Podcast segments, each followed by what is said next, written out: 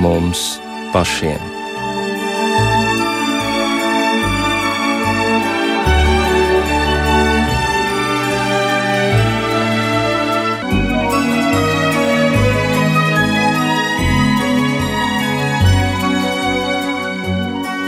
Esiet sveicināti raidījumā pāri mums pašiem, lai top slavēts Jēzus Kristus. Studijā Inte Zēgnere, bet mūsu raidījuma viesi ir bīskaps Andris Kravalis un teologs un misionārs no Beļģijas Jozefs Bastēns. Mēs šovakar runāsim par Dieva vārdu, par kuru ir sacīts, ka tas spēj ietekmēt un pat pilnībā pārvērst mūsu dzīvi. Bībeles vārds tiek uzskatīts par dzīvu, tiek uzskatīts par dziedinošu, Dievs ir devis savā vārdā simtiem apsolījumu, varētu sacīt pat katrai mūsu dzīves situācijai, bet iespējams, ka mēs tos nezinām, un otrkārt, mēs tos nespējam attiecināt uz mūsu dzīvi. Kā to arī vispār var piedzīvot, ka Dieva vārdam piemīt šis pārdabiskais spēks, ka tas patiešām ir dzīves un tiešām var mainīt arī mūsu dzīves uz labu.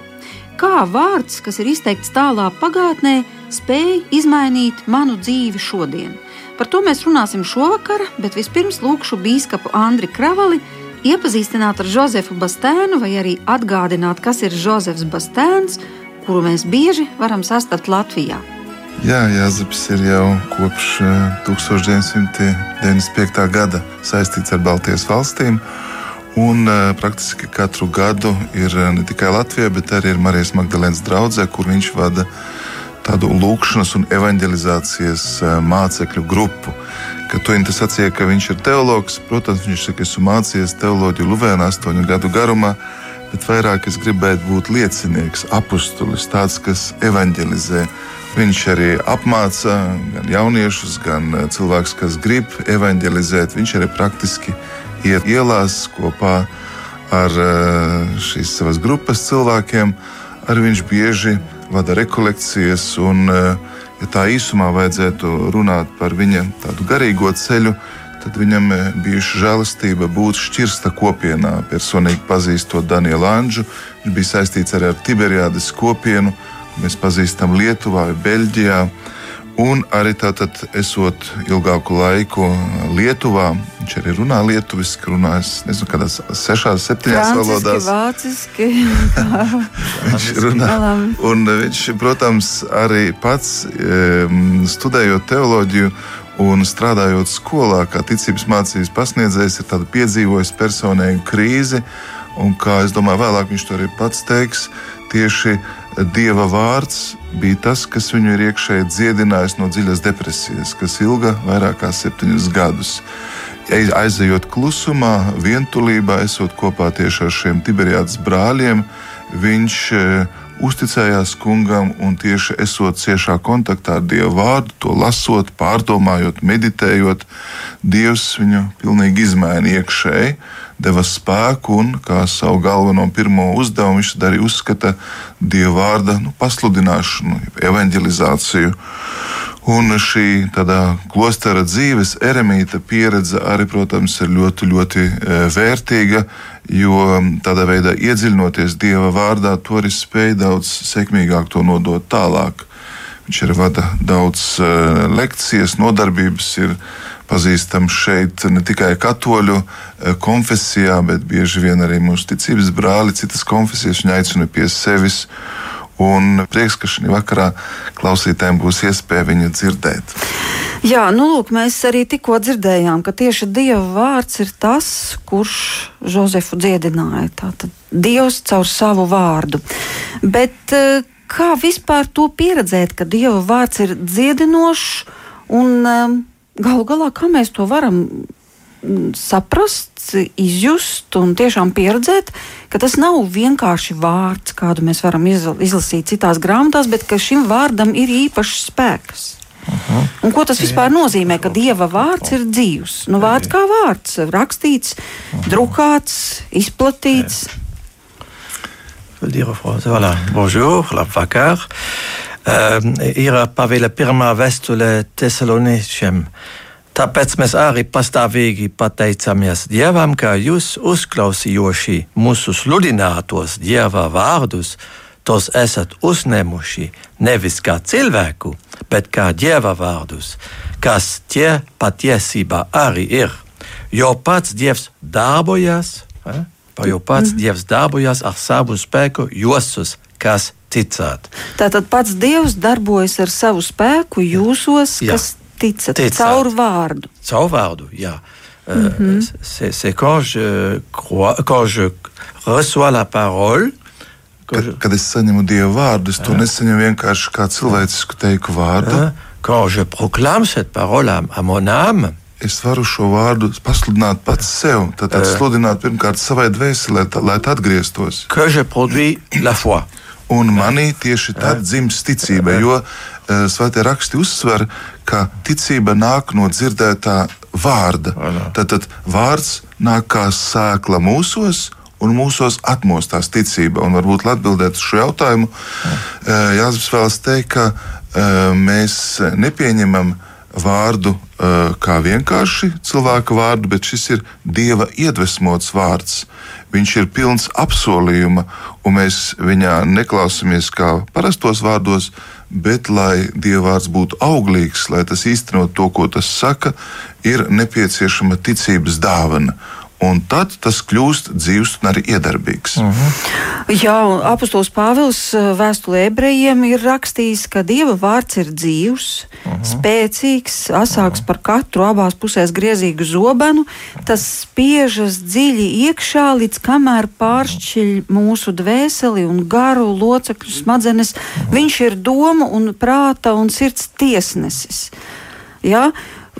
Spēcīgi teikts. Un tagad paņemsim praktiski. Es vakarā atšķiru mājās Bībeli, nu pieņemsim uz labu laimi. Es atšķiru Daniela grāmatu vai Jeremijas grāmatu. Jebkuru vietu Bībelē es izlasu veselas divas lapas. Un es neko no tā nepiedzīvoju. Ne to, ka tas ir dzīves, ne to, ka tas ir asāks par zobenu, ne to, ka tas mani ir ietekmējis. Tad kāpēc tā? Taču viņam tūlīt būtu jādarbojas. Voilà. La première chose que Là, là, il faut bien distinguer entre les écritures, qui, une parole, qui sont des paroles mortes, et la parole vivante. Tad, tad es uzreiz gribētu, lai klausītāji saprot, ka ir svēto rakstu vārdi, ir teikumi, ir notikumi, kurus mēs lasām, un tie var būt priekš mums miris vārds, nedzīvs vārds tie tiešām izlasot, šķiet neko mūsos nedara, bet ir dzīves un iedarbīgs vārds. Un tad, tā būtu e, tāda pirmā e, izpratne par šīm divām kategorijām, divām e, vārda darbības sfērām. Bet runa ir tieši par Bībeles vārdu, par Dieva vārdu. Tātad vienā gadījumā tas mūsos nedarbojas, bet citā darbojas. Attention, la, euh, la, la parole écrite La parole décrite, euh, Saint Paul dit la lettre tue. Vēstulē Pāvils saka tā, ka vārds nogalina īstenībā. Kā rakstītais burts nogalina. Otrā korintiešiem viņš to saka. Euh, Dieu écrit pas avec de l'encre, il écrit dans nos cœurs. Dievs tātad pirmkārt nu, nav rakstījis, mm. viņš nav, di, ja tā var teikt, diktējis, viņš nav lietojis oui. spalvu, lai oui. uh, savu gribu uzrakstītu. Viņš ir rakstījis cilvēku sirdīs, un tie cilvēki, kas mm. svētā gara iedvesmot, ir rakstījuši. Voilà. Bible, un kad es lasu svētos rakstus, uh, il est bien normalement, selon la tradition, même surtout catholique ou orthodoxe. Saskaņā ar mūsu katolisku vai austrumu baznīcas tradīciju. Haute. Lasīt to skaļā balsī, lasīt to, lai es sadzirdētu no jauna. Parce que euh, la, la Bible elle-même n'a pas de voix. Jo Bībelē īstenībā, nu, ja tā var teikt, viņai nav balss. Eh? Viņa ir uzrakstīta, bet lai eh, es nonāktu līdz uh, vārdam, tad es lasu un caur to es arī sevi dzirdu un sev pasludinu. Bet, ja es tagad minēju šo Daniela grāmatu, pieņemsim, tā varētu tevi, būt arī jebkura cita, un ja es tagad šīs divas lapas izlasītu skaļi, tad es piedzīvotu, ka šīs divas lapas puses uz mani tiešām iedarbojas. Tad Donc, problēma ir tā, ka es nelasu skaļi. Alors c'est aussi parce que Dieu, c'est pas un Dieu magicien, c'est un Dieu qui, qui est vivant et qui c'est lui qui décide quelle parole va me toucher. Apzināsimies, ka Dievs vienkārši nav mākslinieks. Dievs runā uz mums, un Viņš pats atklāja to vārdu, kas uz mums visvairāk iedarbosies, kas mūs uzrunās. Voilà. Quand je lis, Kad es lasu svētos rakstus, qui es qui uzdodu sev jautājumu, es esmu ieinteresēts, ko Dievs grib man teikt, un meklēju tos vārdus, kas manī atbalsosies, uzrunās, kas manī rezonēs. Es nelasu vienkārši kādus faktus vai notikumus, bet es eju, lai satiktu Dievu. Donc il y a des paroles, je peux lire euh, par exemple les, lois de, de Es varu lasīt, de- de- piemēram, vecās, vecās derības likuma grāmatas, es tur neko nesaprast. Un tā nav tāda maģiska rīcība, kas vienkārši lasu, lai tagad pēkšņi uh, Dievs man runātu. Nē, Dievs vēlas, lai es ar prātu, ar sirdi, bet arī ticības gaismā meklētu Dieva balsi, kas manī uh, sāks rezonēt tieši lasot svētos rakstus. et alors donc il faut, faut poser la question quand je lis, tiens, quelle est la parole qui me parle fort maintenant, qu'elle me touche, Tātad est ir tas vārds, kas manī rezonē, kas manī uzrunā, kas man liekas dzīves un iedarbīgs? ce n'est pas moi qui décide quelle parole va me toucher, Un ticiet, es nenolēmu to pats, kas man uzrunā, bet Dievs atklājās. Jo Dievs ir persona, Viņš ar mani runā, un ar to vai citu vārdu tajā konkrētajā brīdī Viņš vēršas pie manis.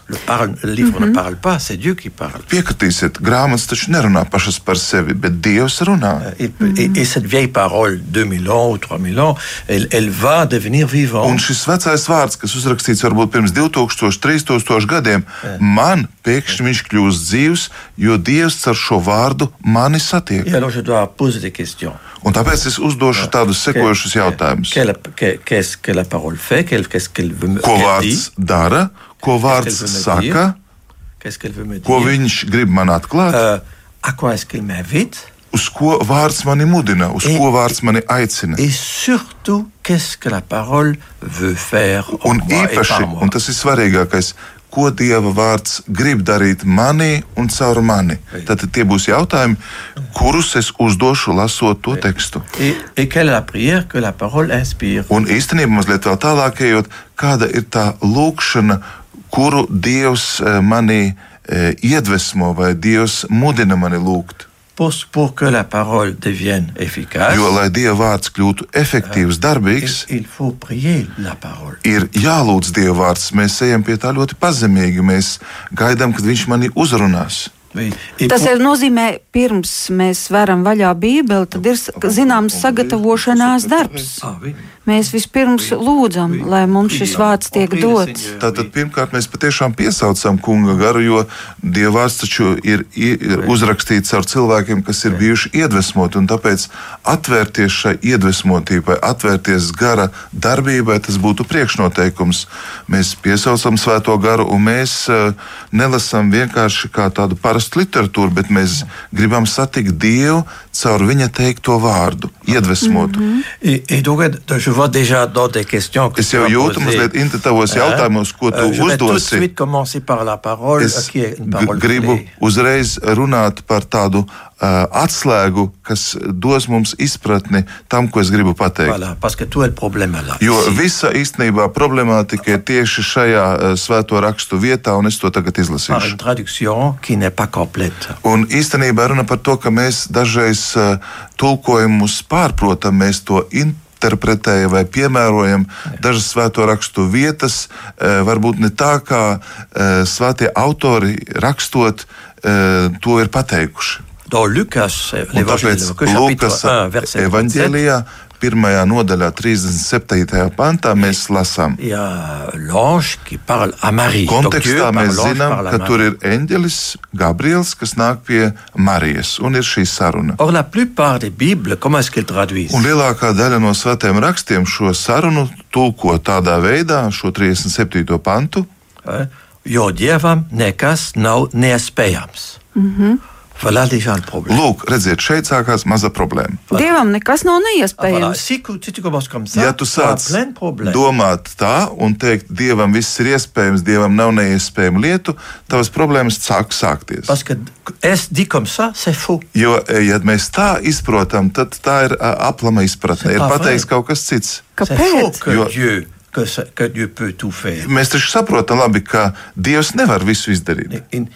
Rien faire sans nous nous donne la liberté. Viņš neko nevar izdarīt bez mums, ja mēs tam nepiekrītam, ja mēs savu brīvību viņam neatdodam. Règle, rien Ja mēs-. Neusticamies. Tad, tad ļoti svarīga tāda dzīves regula, prakse. Nekas bez dieva, bet arī nekas bez cilvēka. Dieu refuse de faire quelque chose sur notre foi. Dievs nevēlas kaut ko darīt, ja cilvēks nepiekrīt, ja cilvēks to neļauj. Voilà. Viņš respektēs cilvēka Alors, brīvību. Un tāpēc atgriezīsimies pie šī teikuma. Pirmā Lūkas traduction. 1,37. Oh, la vraie Mēģināsim saprast, ko tad Dieva vārds pareizi iztulkojot mums saka. Grieķu valodā ir ļoti svarīgs vārds, kas grieķiski skan rema. Rema. Rema veut dire deux Un šis vārds rema īstenībā mums uh, liek saprast divas lietas, divas realitātes, ko mēs apzīmējam ar šo vārdu. Et mélange. Un par nožēlu mēs šīs divas nozīmes jaucam. Tāpēc viņas ir jānošķir un labi jāsaprot. Voilà. Sens, Pirmā nozīme vārdam rema ir vārds. C'est-à-dire, normalement, la première traduction, Īstenībā būtu jātulko tā, aucune parole de Dieu est neviens dieva vārds nav neiespējams. Donc, tout ce que Dieu dit, il va le Tā tad jāsaprot, ka viss, ko Dievs saka, ko Dievs atklāja, viss tas ir iespējams.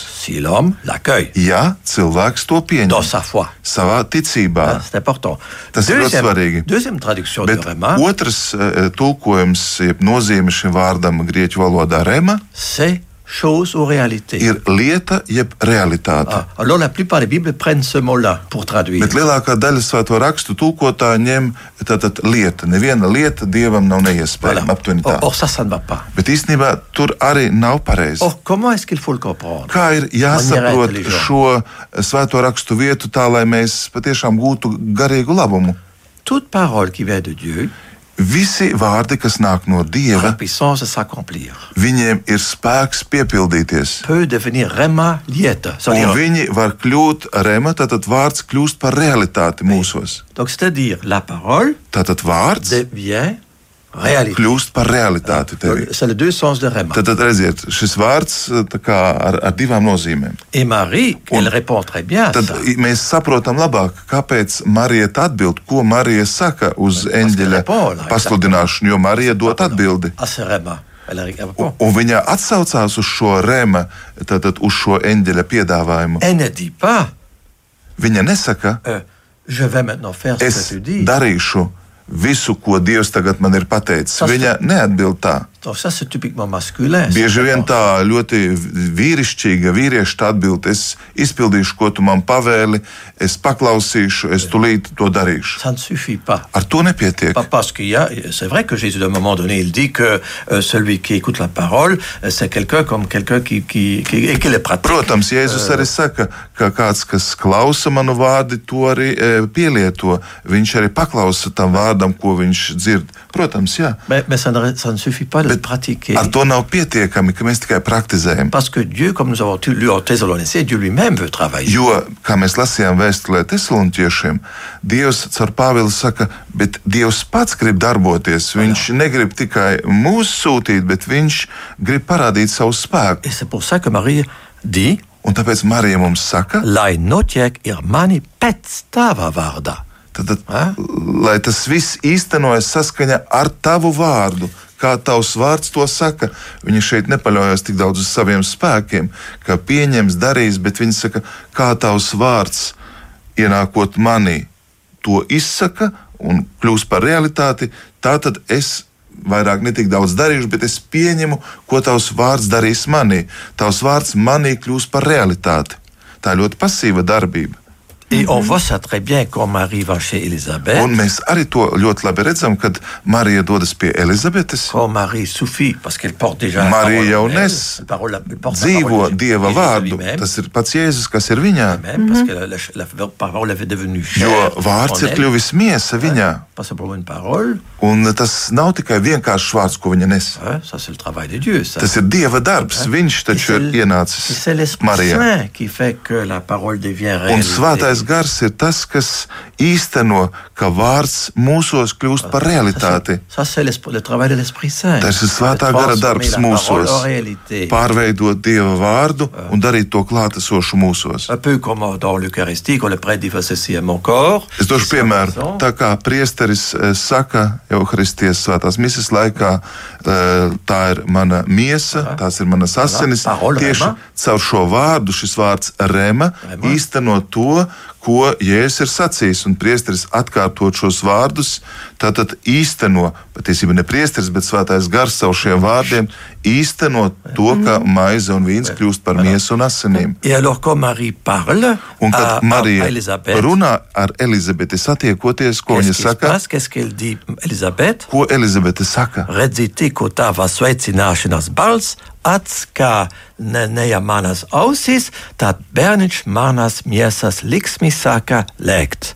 Voilà déjà l'effet de la voix, parole-voix de Marie sur, les, Tad, sur le redziet, petit Jean-Baptiste. Marija runā un sasveicinoties, tūlīt Elizabete jūt, ka caur šo pateikto vārdu viņas bērniņš, kas vēl ir viņas miesās, Jānis Kristītājs, priekā sāk kustēties, lēkāt. Viņš sajūt, kā vārds iedarbojās uz viņu. Donc c'est déjà le prophète, la première action de, du prophète Jean-Baptiste, la première fois qu'il agit, c'est parce qu'il entend la parole de Marie. Ko Jānis Kristītājs, tad lielais pravietis dara, viņš jau darbojas mātes miesās, jo ir dzirdējis vārdu kas viņu skar, kas viņu uzrunā. Un tāpēc viņš tādā veidā uz to reaģē. Un ko tad Elizabete saka? Un tas apstiprina to, ko mēs sacījām. Labi, te, kas ir ticējusi, kā tas, ko Dievs viņai licicācit, piepildīsies. Voilà, vraiment est accompli. Tātad svētīga tā, kas jā. Eh, tic, ka Dieva teiktais viņā piepildīsies. Tad Marija kļūst eh, šeit par eh, nu, Dieva nesēju, un Elizabete atzīst, ka viņa ir svētīga, jo viņa ir ieticējusi Dieva vārdam, Labi. Dieva vārda piepildījumam. Mm -hmm. Vienalga, praktiski sadalīsim to pēc 21. gadsimta tradīcijām divās daļās. Pirmais, Dievam nekas nav neiespējams, neapstrīdama vispār lieta. Tas tā arī ir. Dievam nekas nav neiespējams. Viņam viss ir iespējams. Tātad sanāk, ka problēma ir mūsu pusē, ka mēs tam nespējam noticēt ka viņš var darboties bez jebkādām robežām.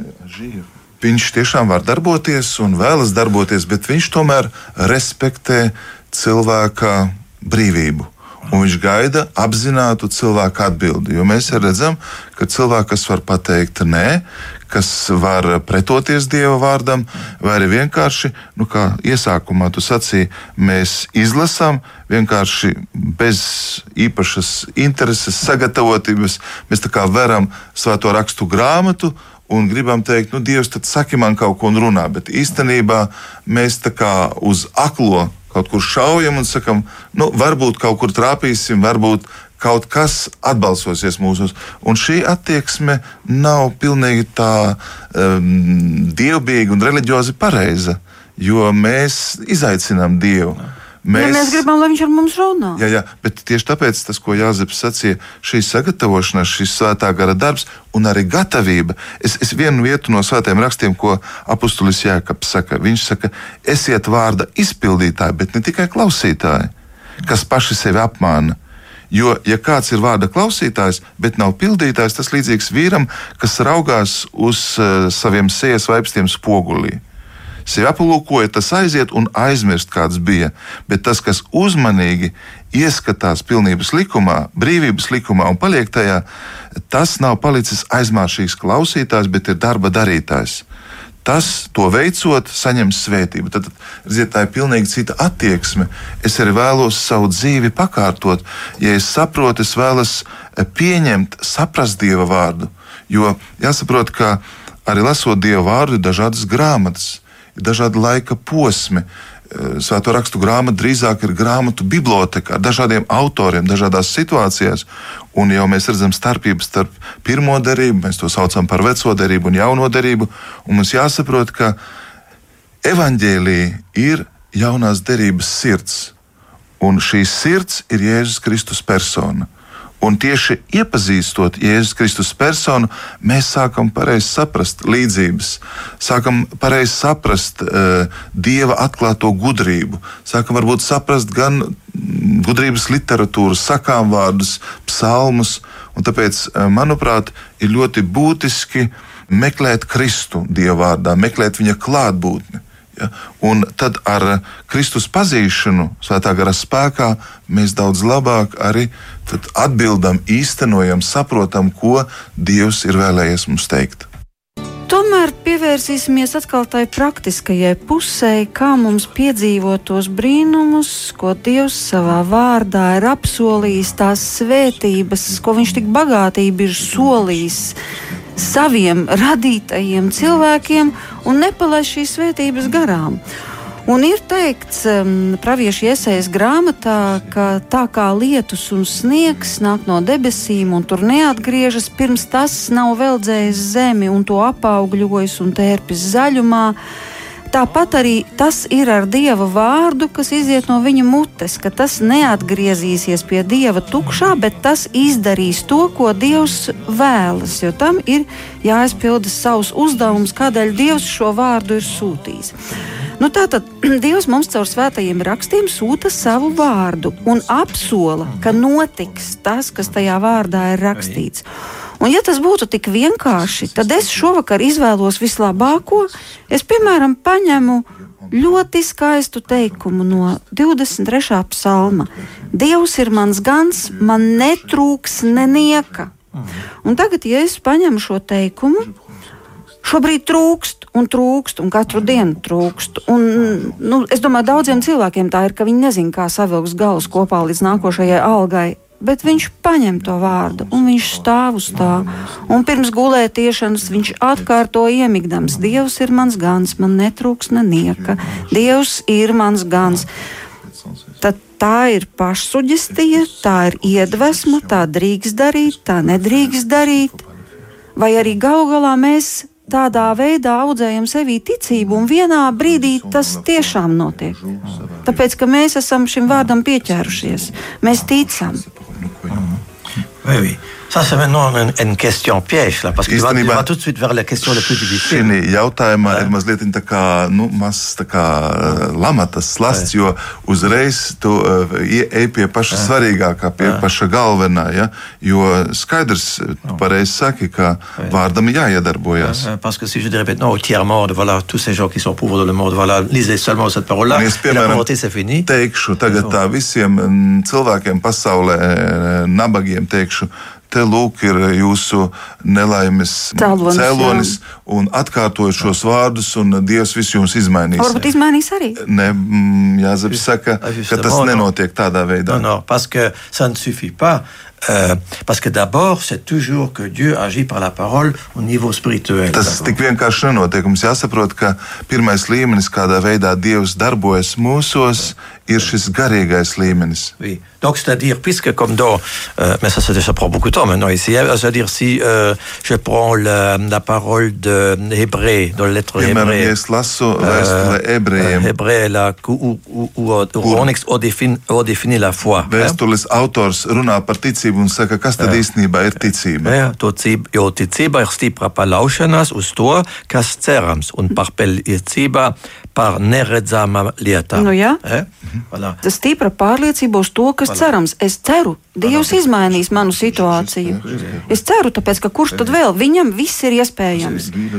Viņam ir iespējams, viņam nekas nav neiespējams. Kāpēc lai viņš man neuzklausītu? Voilà. Donc, il, il toujours, es domāju, ka Dievs vienmēr jūs uzklausa. Dievs nav kurls un viņš vienmēr dzird katra cilvēka saucienus.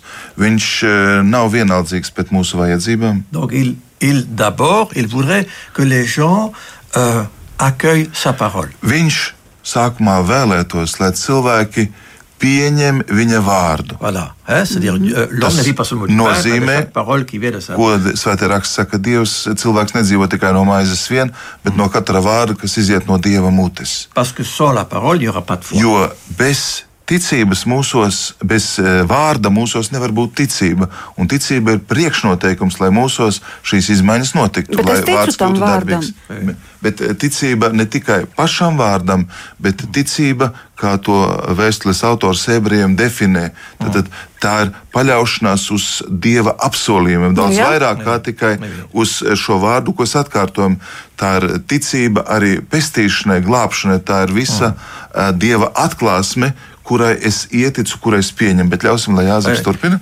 Donc, donc voilà. Si tu dis, je ne manque de rien. Ja, piemēram, es tagad teikšu, man netrūks nekā.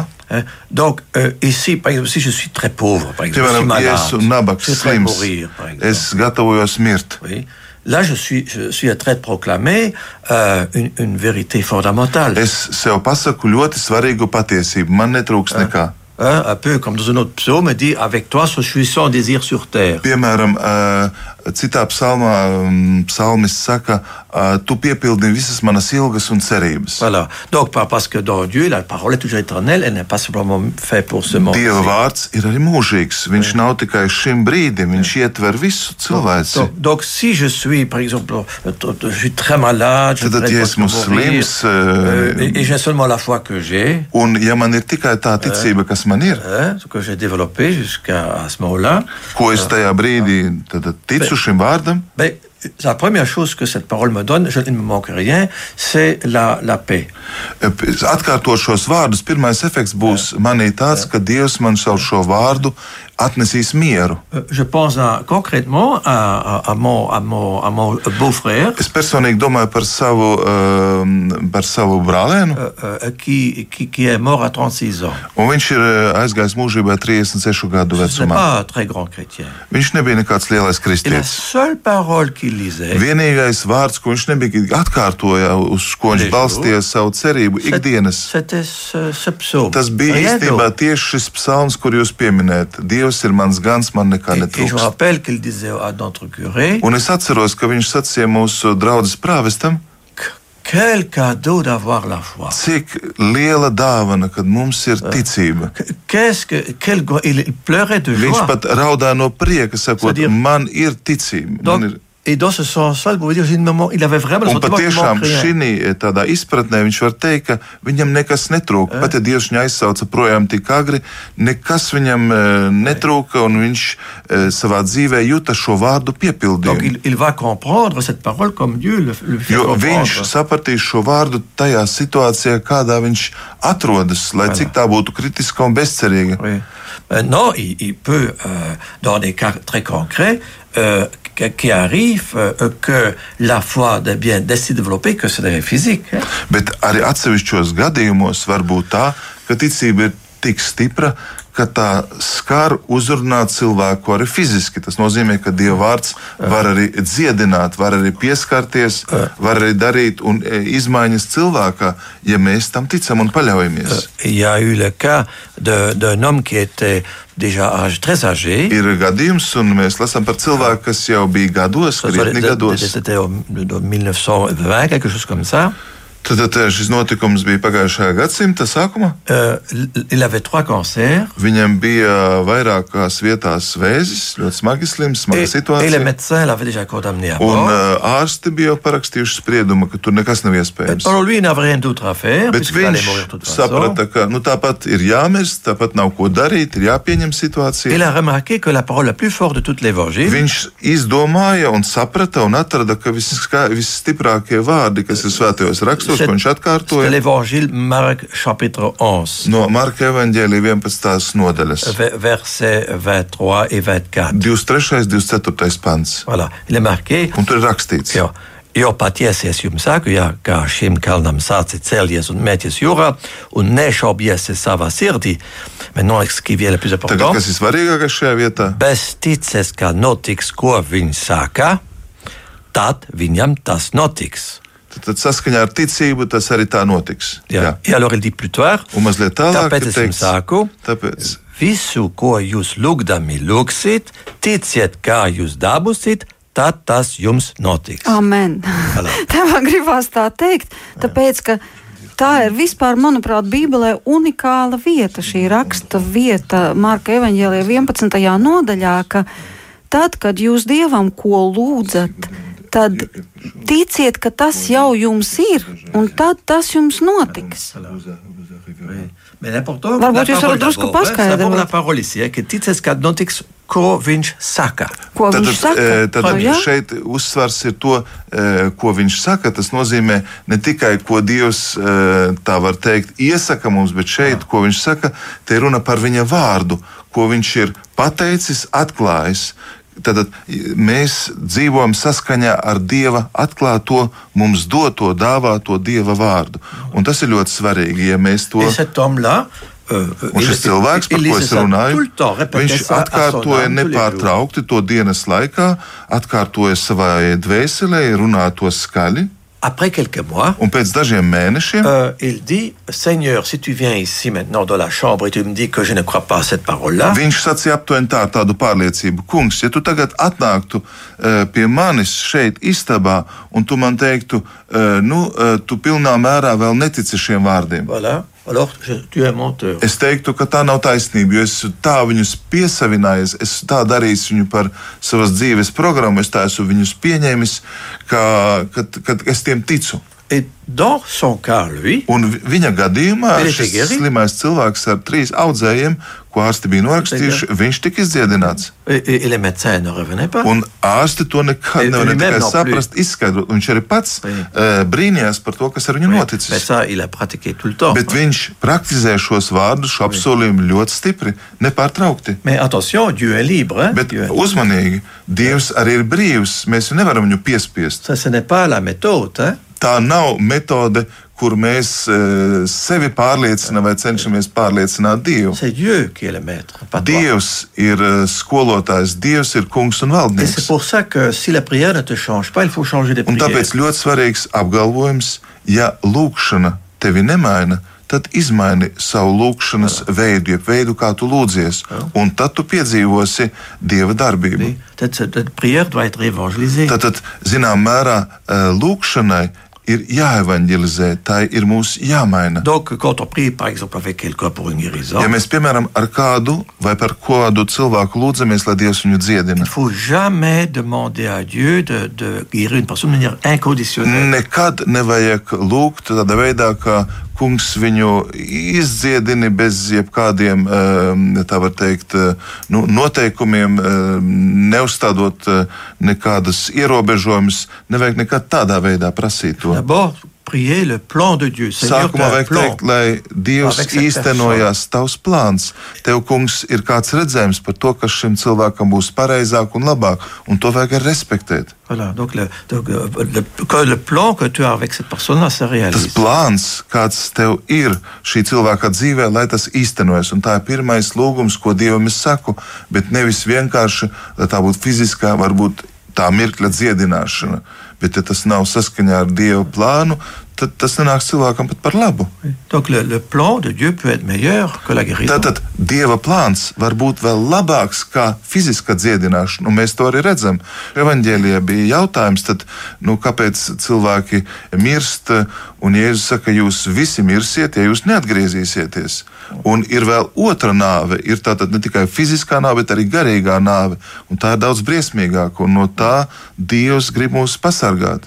Ja Dievs daudzkārt svētos rakstos dziedina cilvēks, tad viņš nevēlas būt kā vienkārši brīnuma darītājs vai caur to parādīt savu visvarenību, bet vienmēr dziedināšana ir saistīta ar pestīšanu, ar ticību, ar cilvēka, ja tā var teikt, glābšanu kas cilvēkam tiek piedāvāts. Var teikt, ka tajā mm, brīdī, kad šī dziedināšana notiek, Dievs ir iedevis cilvēkam otro iespēju. Jā, bet eh, nu, tas varbūt, varbūt sakārtot es, savā es dzīvē. Teikt, ka šī dziedināšana vienmēr notiek divos līmeņos. Un Jēzus pat to evaņģēlijā ļoti labi parāda. Viņš sākumā saka, tavi grēki tev tiek piedoti, kas skandalizē cilvēku. Dievs taču var tikai piedot. Ja es uzreiz to cilvēku varu piecelt, bet viņš sāk ar grēku piedošanu, jo redz cilvēkā ticību, un pēc tam kā zīme tam, ka viņš var augšām celt, ka viņš var dziedināt, viņš var uzmodināt no, miroņa, viņš saka, ņem savu gultu, celies un staigā. Tā ir kā zīme, kas atgādina citiem, ka viņš patiešām ir nu, atguvis arī garīgo veselību. Un tad, tad, protams, Dievs, es domāju, piešķir nemitīgi, un mēs arī pat labāk dzīvojam ar šo otro iespēju. Nenoliedzami, Dievs vienmēr ir pacietīgs, lēnprātīgs, un Dieva vārds to nemitīgi atgādina, lai mēs izmantojam labi mums doto piešķirto laiku. Bet arī Dieva nu, žēlsirdība nav neierobežota. Mums ir savs noteikts laiks, mums ir savi uzdevumi, un mēs nezinām, cik ilgi šī žēlastība, kā sakraments, laiks mums ir dots. Tāpēc neatliksim to atgriešanās eh, dāvanu uz vēlākiem laikiem. Tagad ņemsim, ieticēsim, paklausīsim Dieva vārdam, un mēs piedzīvosim, kā Dieva vārds nes mūsos augļus. Bet tur arī ļoti bieži evanģēlijos ir teikts, Jēzus saka, lai tev notiek pēc tavas ticības. Un citreiz viņš nemaz nav uh, domājis dziedināt to cilvēku. Tur, teiksim, tur vienas sievietes gadījumā, kad viņa lūdza par savu meitu, bet viņa tikmēr, varētu teikt, diedelēja un teica, un teica, un teica, kamēr viņš viņai pateica, tava ticība tev ir palīdzējusi, vai tava ticība, un viņš ļoti uzsver tieši tieši to tava ticība. Un tad man liekas, bet varbūt mēs vienkārši neesam drosmīgi savā ticībā. Mēs, nu, mēs esam kūtri. Mums liekas, oi, nu, ja nu, mazumiņu varētu iz, izlūgt, tad jau būtu labi, ka mēs nevēršamies patiesībā pie Dieva kā pie visu varana, kas visu var. Mēs ierobežojam Dieva darbību, tāpēc, ka mums šķiet, nu, ja jau kaut kādu mazu brīnumiņu rītdienai, tad jau labi būs. Mēs pārprotam to pazemību kā Dieva bērnu bērni. Tā nav? Je dirais euh, ceci d'abord. Quand Dieu demande quelque chose, es teikšu tā, ka Dievs kaut ko no mums lūdz, il le donne. Viņš vienmēr to mums jau dod. Viņš pats Donc, mums to piešķir. Tad tad visu, ko Dievs no mums lūdz, On n'a même pas plus, de, plus besoin de lui demander donne-le, puisqu'il donne mums déjà. pat nav jāprasa, kungs, dod to man, jo vēršoties pie viņa, viņš jau mums dod. Mon travail, c'est de l'accueillir. Jo mans īstenībā darbs ir to pieņemt. Et, et Un kādā veidā pieņemt šo dieva gribu. Un tieši tas, ko jūs jautājat, mēs nezinām, kā tad dieva gribu pieņemt, kā to varam īstenot, kas ir Par nepieciešams. exemple, si Dieu demande pardonne ton ennemi, Piemēram, Dievs tev saka, piedod tavam ce ienaidniekam, qui est impossible. kas cilvēciski šķiet pilnīgi neiespējami. Ça, il, il doit reconnaître, Seigneur, je ne sais pas. Un cilvēkam ir jāatzīst, ka es ar saviem spēkiem to nespēšu. Un Dievs teiks, jā, es to zinu, mais, tu tas esi. Bet tā kā es tev to lūdzu, lai tu to dari, tu as la grâce. tev ir žēlastība, tu to spēj. Tu qu'à accueillir la Tātad tev ir tikai jāpieņem mana žēlastība, jānotic, un īstenībā tā nu, ieticēšana notiek caur Dieva vārdu, Et ko comment- Dievs dod. Et Un tad, kā mums to pieņemt, ir veids, kā mēs to darām. Tātad pasludināt sev parole dit. šo Dieva doto man teikto vārdu. À ton âme blessée.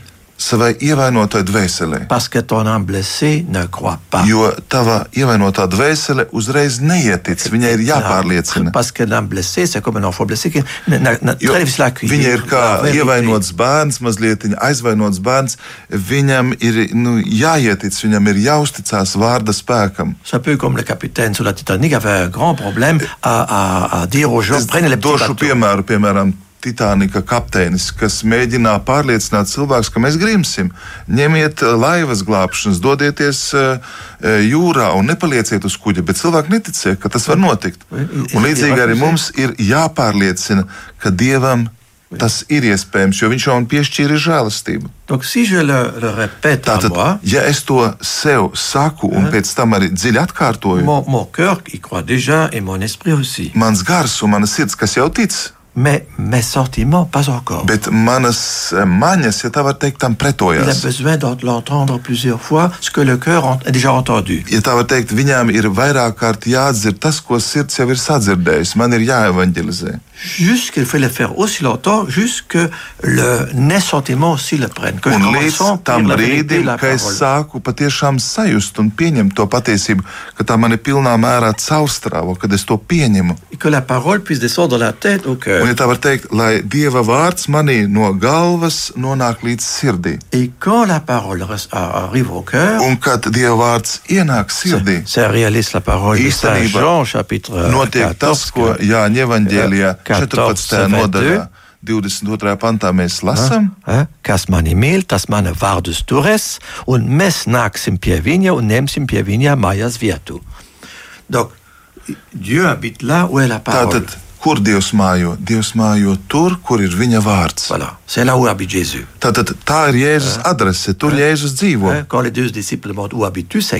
Ziniet, divi mācekļi, Jāņem Evanģēlī jautā, kur Jēzu tu dzīvo, tad Jēzus dzīvo tieši tur, kur ir viņa vārds. Aussi, si veux, savoir Jésus? Jo īstenībā, ja es gribētu tā pārliecināties, vai es patiešām mīlu Jēzu, kas mani mīl, tas manus vārdus turas. Mīlestība būs tieši šo Jēzus vārdu paturēšana un īstenošana. Ce moment-là, un tajā brīdī, uh, si on, uh, jā, jūs paliekat mani un mani vārdi paliek jūsos, jūs varēsiet lūgt, ko gribat, tas jums notiks. Voilà la, la règle. Tad, tad šis ir ļoti, ļoti svarīgs princips, kas parāda tiešām šo dieva vārda spēku un iedarbību. Mais, euh, il, faut que la parole soit tellement moi. Tātad dieva vārdam ir jānonāk tik dziļi, tam jāpārņem tik spēcīga mana būtība, ka tā kļūst par realitāti. Tā tā rema, par ko mēs runājam, ka tā kļūst uh, realitāte, kas iemieso dievu vārdu manī. Mm -hmm, tagad man viens praktisks jautājums ir. Tātad viens veids ir, ka mēs pirms sveram vaļā Bībeli, vispirms lūdzam Dievu, lai Viņš mums atklāja, ko Viņš grib mums teikt. Labi, mēs atveram, mēs lasām, un tiešām Dievs mums pasaka, nu, piemēram, viens teikums - mīli savu, mīliet savus ienaidniekus. Tad mēs saprotam, ka mēs to nespējam, bet mēs gribam piedot kādam pārdarītājam. Un tad notiek tas, ko jūs teicāt. Dievs tā tad ir norādījis to vārdu, kas mums ir jāīsteno. Bet vai var darīt otrādi? Tas ir tieši tā, kā es prasīju, ka es pati izvēlos vārdu. Piemēram, Dievs ir mans gans, man nekā netrūkst. Vai arī tiešām labums un žēlastība mani pavadīs visu manu mūžu, arī 23. psalms, un es atkārtoju šo vārdu katru dienu, katru dienu, viņš ieiet manā sirdī, un tad taču Dievs viņu var īstenot, un, un es nelūdzu neko sliktu. Lūdzu labu sev, savai ģimenei, un tātad arī citiem cilvēkiem, lai ar to, ko Dievs man dos, es varu dalīties. Tā arī var darīt. Oui, disons, si maintenant je, je dis je veux être ne marche pas. Jo es teikšu tā, ja tu, piemēram, savā sirdī tagad teiksi, es gribu būt uh, miljonāre, es gribu iegūt miljonu, tad tas tādā veidā nenostrādās. Ou un handicapé mental qui dit, je veux tout de suite guérir. Vai, piemēram, kāds cilvēks ar uh, īpašām vajadzībām, piemēram, Jēzus Kristus vārdā, es gribu, es lai topu dziedināts, viņš to atkārtos kā tādu mantru, tas nenotiks Bet tādā veidā. Tas cilvēks tika dziedināts, jo viņam bija liela ticība. Viņš atkārtoja no Marka evaņģēlija, viņš saņēma. Parce que Euh, dans son cas, il a répété pendant des mois. Tāpēc, ka viņš savā gadījumā patiešām atrada šo vārdu, viņš ja. mēnešiem ilgi ja. vingrinājās, atkārto, viņš jau bija gatavs pieņemt arī dieva plānu. Parce que plus, la, plus grand est la demande, plus longtemps il faut du temps. Jo īstenībā, jo lielāks ir lūgums, jo vairāk vajag laika, lai tas īstenotos. Oui, donc, alors, euh, ce que tu dis là, euh, d'ouvrir la Bible et puis, euh, tā, et, et, puis alors appliquer la parole. Atvērt, non. izvēlēties vārdu. No. Un, un Pas tagad toujours, to lūgt, no. es domāju, ka tas tā no. vienmēr nenostrādās. No, no. D'abord, tuvu pie tevis ir tas vārds, tava mute un tava sirdi. Proti ticība vārds, ko mēs sludinām. Tātad tev jāapzinās, ka īstenībā tev kā dieva bērnam vārds sev ir tevī. Tu viņu sevī nes, tas priekš tevis nav svešs vārds. Tu neizmanto šo vārdu vienkārši kā instrumentu. Bet Intie vārds vēl noslēgumā gribu pateikt, ka ir vēl citi apstākļi. Jēzus stāsta līdzību par eh, sēklu, par sējēju un augsni. Un arī to līdzību nevajadzētu aizmirst, jo pats Jēzus to interpretē. Viņš saka, ka vārds arī var tikt nomākts, ka vārds var arī neiesakņoties, ka vārdu var arī nozagt ļaunais, ka īstenībā arī cilvēkam ir jābūt nomodā par to vārdu, tas ir jāsargā. Un tātad Jēzus šajā evanģēlijā fragmentā, ko mēs lasām Mateja evanģēlijā 13, ja, viņš bagātīgi sēž šo vārdu, bet mēs par nožēlu nevienmēr esam atvērti, uzmanīgi un, ja tā var teikt, arī pacietīgi. Jo arī, lai dievvvārds īstenotos, ir vajadzīgs laiks, pazemība, ir jāsadarbojas ar dieva žēlastību. E, vārds vienmēr ir saistīts ar kalpošanu, un Jāzeps savā kalpošanā uzsver, ja mēs nevēlamies dalīties ar dievu vārdu, ja mēs nevēlamies to atklāt, e, dziļāk iepazīt, skaidrot, palikt Dieva vārda klātbūtnē, tad mēs vēl pilnā mērā neesam Jēzus sekotāji. Tad Dieva vārds nav mūs pārveidojis. Ja?